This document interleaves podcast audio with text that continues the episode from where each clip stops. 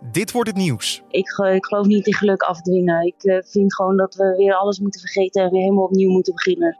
En dan gewoon uh, daar als uh, leeuwen daar gaan staan. De finale is in zicht, maar er moet nog één horde genomen worden. De Nederlandse handbalsters staan namelijk vandaag in de halve finale van het WK in Japan.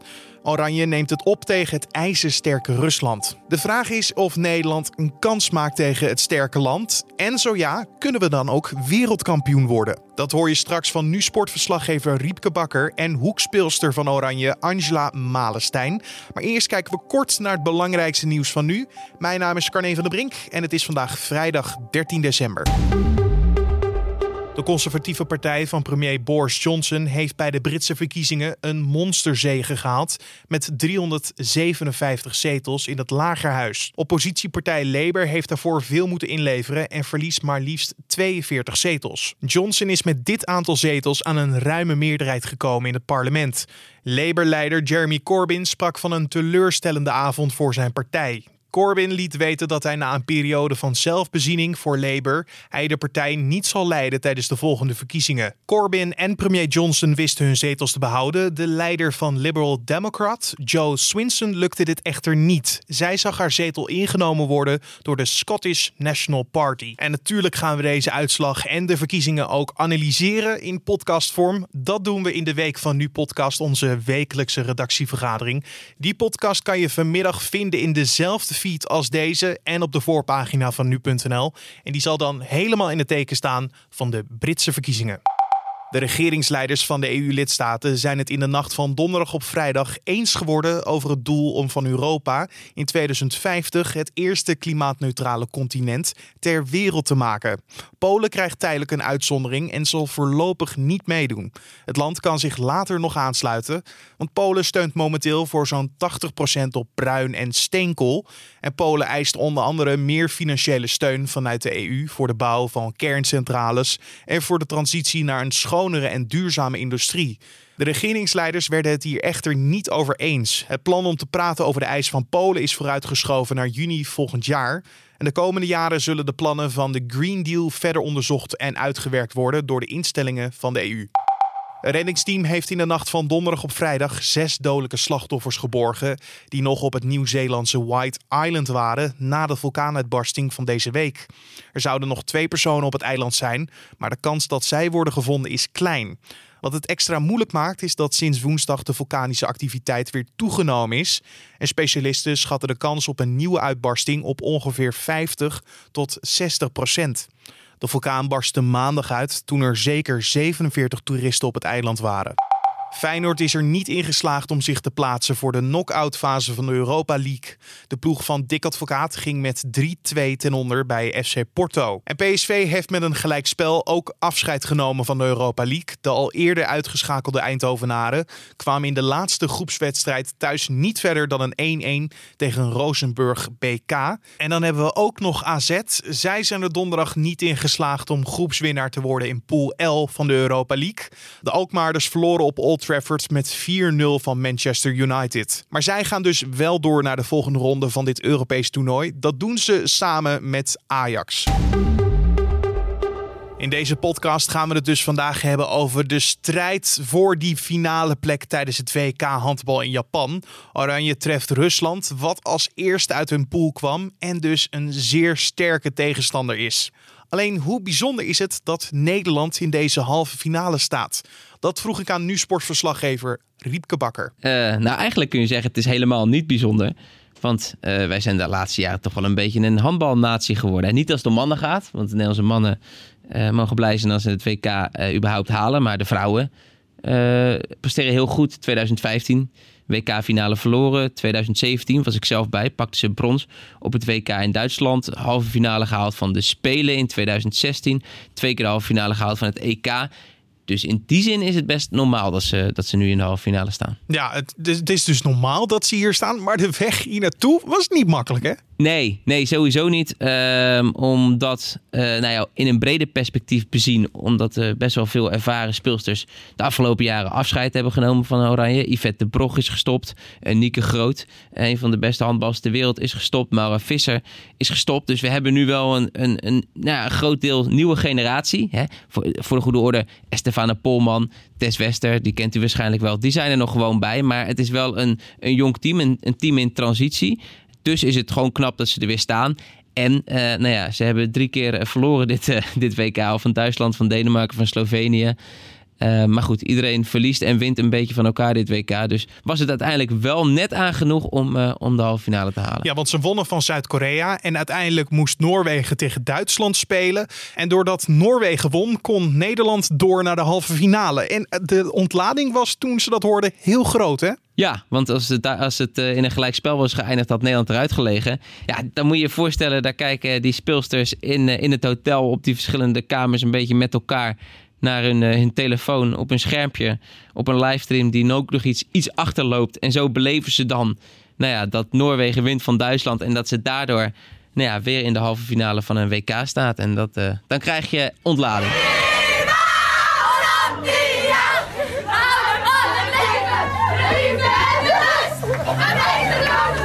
Ja, en die ontlading was dus groot. De ontlading heb jij zelf ook even gepolst bij uh, een van de speelsters. Wie, wie heb jij gesproken? Uh, Angela Malenstein. Zij is net als nou ja, Polman, Wester, een van de ervarenere krachten van het, van het Nederlands team. En is er ook vanaf nou ja, 2015 het moment dat wij de WK-finale haalden. En, en sindsdien aan een ongelofelijke opmars bezig zijn als, als handballand. Is er altijd bij Malenstein. En uh, nou ja, het was tijd om even te bellen met Japan. Ik heb eigenlijk geen tijdbesef van gisteren, want ik was zo zenuwachtig en mijn maag draaide om. En ik, ik had het allemaal niet meer in de gaten. Ik weet dat ik om uh, half twaalf uh, slaappoel in heb genomen en daarna was ik weg. Maar je hebt niet al even een glaasje champagne gedronken? Nee, nee, nee, dat doen we nog niet. nog niet. Nee. Hey, de, afgelopen, de afgelopen jaren hebben we natuurlijk twee keer eerder een, een halve finale WK gehaald. Ook twee keer eerder een halve finale van de EK, halve finale Spelen. Volgens mij was jij overal bij. Mm -hmm. Als ik het goed heb, ja, is de euforie uh, met het bereiken van de halve finale nu groter of vergelijkbaar? Hoe schat je dat in? Um, nou ja, we hebben nu natuurlijk wel echt een heel ander team. Vorig jaar misten we natuurlijk ook uh, Danique en uh, ja, nu mis je gewoon meerdere spelers. Je hebt een heel nieuw team, je hebt allemaal nieuwe jonge meiden. En het was echt zo van, oké, ja, uh, we gaan eerst maar proberen bij de eerste zeven te komen. En kijken hoe we ervoor staan. En ja, daarom, als je dit niet verwacht, dan is het natuurlijk, dan is het natuurlijk altijd, ja, dan word je er nog blij van. Elke halve finale is natuurlijk top. Maar ja, dit, dat we dit zo bereikt met ups en downs in het toernooi. Maar we hebben zo gevochten, dus dan, ja, het maakt me natuurlijk extra blij. Ja, want de, de afgelopen jaar is natuurlijk veel gebeurd. Hè? Met die Vette Brog die gestopt is. Met Nieke Groot die gestopt is. En Mara Visser die er niet meer bij is. Ervaren ja, krachten vallen weg. Hoe schat jij ja, dit, dit Nederlands team ja. dan in, kwalitatief? Zijn jullie uh, net zo goed als, als de afgelopen jaren of is het toch anders? Nou ja, het is toch anders. In eerste instantie, de gemiddelde leeftijd van dit team is 23. Als je dat vergelijkt met de andere teams, zeg maar, dan zijn wij natuurlijk een super jong team. En ik denk niet dat je van de jonge speelsters kan verwachten dat die uh, een hele wedstrijd gaan omkeren of gaan redden. En dat moet je ook helemaal niet van hun verwachten, want hun moeten ook gewoon die ervaring opdoen. En uh, ja, maar ik denk dat dit een hele mooie ervaring voor hun is. En voor de toekomst uh, ja, hebben ze wel laten zien dat ze zeker uh, ja, dat ze hebben laten zien waarom ze mee zijn. Nou, hebben jullie dit seizoen, het is, of dit WK, het is een beetje een gek toernooi. Jullie hebben verloren van Duitsland, van Denemarken, van Slovenië. En de tegenstander, Rusland, die heeft het, dit alle, het hele WK, alle wedstrijden nog gewonnen. Hoe, hoe, hoe schat jij de kansen van Oranje in of, uh, ja, tegen Rusland? Nou ja, in eerste instantie vind ik... Uh, ja, Slovenië was natuurlijk niet een al te beste wedstrijd. We moeten gewoon eerlijk zijn. Maar ik vind uh, tegen Duitsland en Denemarken hebben wij niet slechter gespeeld of niet heel slecht gespeeld. Als wij de helft van onze gemiste kansen uh, erin hadden gegooid, dan hadden we gewoon met vijf doelpunten verschil gewonnen. Dus ik denk dat wij tegen Rusland zeker niet kansloos zijn. Maar dat betekent wel dat iedereen 100% moet zijn. Ja, wat maakt Rusland zo sterk? Uh, ervaren speelsters, ze hebben al zoveel finale gespeeld. Uh, spelen ook met elkaar, bijna allemaal. Dus ze trainen elke dag met elkaar.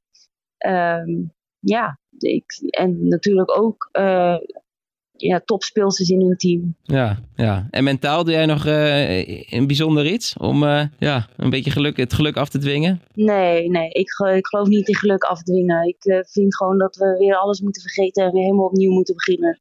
En dan gewoon daar als leeuwen daar gaan staan. En dan kunnen we misschien na de wedstrijd zeggen: Oké, we hebben verloren, maar we hebben er echt alles aan gedaan. In plaats van dat je zegt: Ja, kut, we hadden of we moesten. Dan sta je daar natuurlijk met een klote gevoel. Dus uh, ik uh, weet zeker en ik heb vertrouwen in iedereen in het team die daar als een leeuw gaat vechten. En dan kunnen we na de wedstrijd een conclusie trekken. Ja, ja, nou tot slot. Worden we wereldkampioen? En dan wil ik niet horen, we, we kijken eerst naar de, naar de volgende wedstrijd. Worden we wereldkampioen? Worden we wereldkampioen? ja, we worden wereldkampioen als we twee wedstrijden winnen. En uh, Riepke, kunnen we wereldkampioen worden? Nou, uh, de kans is niet zo heel groot. Ik bedoel, dit, dit, dit, dit Nederlands team, uh, het is af en toe een beetje vallen en opstaan dit WK. En dat is bij, bij, bij Rusland niet. Die zijn ijzersterk. Uh, dus het wordt al een enorme klus om de finale überhaupt te halen. Aan de andere kant, uh, de Nederlandse handballers hadden altijd één ultieme angstgekner. Dat is Noorwegen. Jarenlang niet van gewonnen. Ze verloren de WK-finale van in 2015. In 2017 ook van ze verloren op het, op het WK. Maar dit toernooi wonnen we eindelijk van Noorwegen. Dus nou ja, als we van Noorwegen winnen, dan zijn er wonderen mogelijk dit WK. En kunnen we heel misschien ook van, uh, van Rusland winnen. Maar het is niet alleen uh, belangrijk trouwens om wereldkampioen te worden. Het gaat ook een beetje om uh, Olympische kwalificatie. Om de Spelen te halen van, uh, van Tokio volgend jaar. Hoe, hoe zit dat precies? Laat ik het zo zeggen. Het, het, is best moeilijk om als Europees land de Olympische Spelen te halen. Nou ja, vier jaar geleden in Rio de Janeiro haalde Nederland dat voor het eerst. Werden ze vierde. Schreven ze echt historie doordat we erbij waren. En nu, om de Spelen te halen, een direct ticket te krijgen, moet je of wereldkampioen worden, dan krijg je een direct ticket. Uh, of zo hoog mogelijk eindigen en dan krijg je een relatief makkelijker Olympisch kwalificatietoernooi. Dus als je tweede wordt, uh, zijn je tegenstanders op het Olympisch kwalificatietoernooi uh, makkelijker dan wanneer je vierde wordt of wanneer je zevende wordt. Dus in die zin is het ook zaak om zo goed mogelijk te eindigen. En dan kunnen we weer naar de Spelen. Want ja, op die Spelen hebben we ook wel wat goed te maken. Hè? Ik weet het niet. Jij was erbij. Ja, dus... ja ik, ik, was erbij. De, de laatste minuut, de bal op de paal. Um, nou, Nederland was toen heel dicht bij uh, de finale van de Spelen. En dan heb je ook een Olympische medaille. En die is natuurlijk heel belangrijk. En vervolgens gingen ze in de strijd met brons uh, hard af. Ik zie nog de tranen bij, uh, bij Tess Wester. Het werd toen net geen medaille. Ook weer door het verlies tegen, tegen die Noorwegen, tegen de Noorden, waardoor we altijd verloren. Maar goed, toen net geen medaille. Nou, het zou heel mooi zijn als we nou ja, volgend jaar in Tokio wel een Olympische medaille pakken. Want dan is de opmars van het Nederlandse handbal, kun je zeggen, de laatste jaren pas echt compleet. Je hoorde nu sportverslaggever Riepke Bakker en de Nederlandse handbalster Angela Malenstein. En de halve finale tussen Nederland en Rusland begint deze vrijdagochtend om half tien Nederlandse tijd. En dan kijken we nog even naar de verdere nieuwsagenda van vandaag. In de rechtbank van Rotterdam hoort Bekir E. zijn straf voor het doden van de 16-jarige Humera. De scholieren werd in december 2018 in het fietsenhok van haar school doodgeschoten door haar ex-vriend. De man heeft inmiddels zijn daden bekend. Agractie Nederland organiseert vandaag een boerenprotest op de Dam in Amsterdam. Burgemeester Femke Halsema laat 25 tractoren toe bij het protest in de binnenstad. Volgens Agractie doen er mogelijk meer tractoren mee, maar deze zouden dan buiten het stadscentrum parkeren. De boeren voeren vandaag actie om onvrede te uiten over de nieuwe stikstofregels. En dan nog even het weer. Deze vrijdag is het een regenachtige dag. Ochtends is er in het noordoosten kans op een vlok natte sneeuw. Overdag valt er af en toe regen of motregen. En de temperatuur komt tussen de 4 en 8 graden. En er kan een stevige wind waaien. En om af te sluiten gaan we weer naar onze vaste weekafsluiter. Want hij bespreekt voor ons elke week een bijzonder wetenschappelijk onderzoek van de ruimte, woestijnen en jungles. Hij neemt ons overal mee naartoe. Ik heb het over nu.nl-redacteur Thomas Krachten en zijn weekafsluiter. Deze keer gaan we iets leren over een apensoort genaamd makaken. We hebben deze week geleerd dat als makaken, en dan specifiek bij vrouwtjes, als die goede vriendschappelijke banden hebben met andere makaken, dan is de kans kleiner dat ze doodgaan. Dan kunnen ze, ze, ze, leven langer als ze goede vrienden hebben. Wat zijn dan specifiek de voordelen van vriendschap onder, onder makaken? Ze hebben niet, nog niet specifiek gezien waar het verband ligt. Het is natuurlijk altijd moeilijk om te zeggen vriendschap en, en langer leven. Is dat nou echt een, een verband of niet? Maar ze, de, uitleg die ze erbij geven is, uh, ze, ze, helpen elkaar, ze, ze Ze delen eten, ze, ze vlooien elkaar. En, en, een tegenovergestelde effect is, als makaken niet goed met elkaar bevriend zijn, dan is er een kans dat ze elkaar weren om eten te krijgen. Dat ze elkaar bijvoorbeeld wegjagen van bepaalde plekken. Maar als ze vrienden zijn, gebeurt dat niet. Of, en helpen ze elkaar dus specifieker aan eten. Maar uh, dit is een wetenschappelijk onderzoek, dus dit hebben ze onderzocht. Het woord zegt het al. Hebben ze dat aan de hand van vriendenboekjes gedaan of op een andere manier? Ze hebben zeven jaar lang, van 2010 tot 2017, makaken geobserveerd op het zogenaamde Apeneiland ten oosten van Puerto Rico. Cayo Santiago is de originele naam. En daar hebben ze gewoon heel, hebben ze gewoon die apen geobserveerd en gekeken naar hoe ze met elkaar omgaan. Dan hebben ze bijvoorbeeld gekeken hoe ze met andere makaken omgaan. Of er bepaalde specifieke makaken zijn waar een, waar een, uh, waar een aap meer naartoe komt. Um, zijn er bepaalde verbanden met grotere groepen van die, uh, van die apen? En als er iemand, als die apen vaker op iemand afkomen, wat doen ze dan samen? Hè? Zijn ze dan samen eten aan het zoeken? Zijn ze meer samen aan het vlooien? Op die manier trekken ze de conclusie: oké, deze zijn vrienden met elkaar. En wat, doen dat, wat doet dat met de levensverwachting van die dieren? En daar hebben ze die verbanden in getrokken. En als we iets uh, breder kijken, hoe goed zijn dieren sowieso in uh, vriendschappen? Nou, we hebben dit soort onderzoeken wel vaker gezien. Sowieso samenwerken tussen dieren komt vaker voor. Dat bepaalde vogels zoeken elkaar bijvoorbeeld op, omdat de ene soort een luide waarschuwingsroep doet. Dus dan ga je zitten bij je, je gaat eigenlijk zitten bij het beste alarmsysteem. Maar bijvoorbeeld ook bij, uh, bij vleermuizen hebben we gezien dat uh, ze vriendschappen kunnen vormen. En vriendschappen bijvoorbeeld in gevangenschap vormen. En wanneer ze vrijgelaten worden, blijven ze bij hun vrienden uit het gevangenschap. Dus we weten wel dat dieren onderling vriendschappen kunnen vormen. Dankjewel nu.nl-redacteur Thomas Krachten. En volgende week zal hij weer voor ons een ander onderzoek presenteren. En dit was dan de Dit wordt het nieuws podcast voor deze vrijdag 13 december.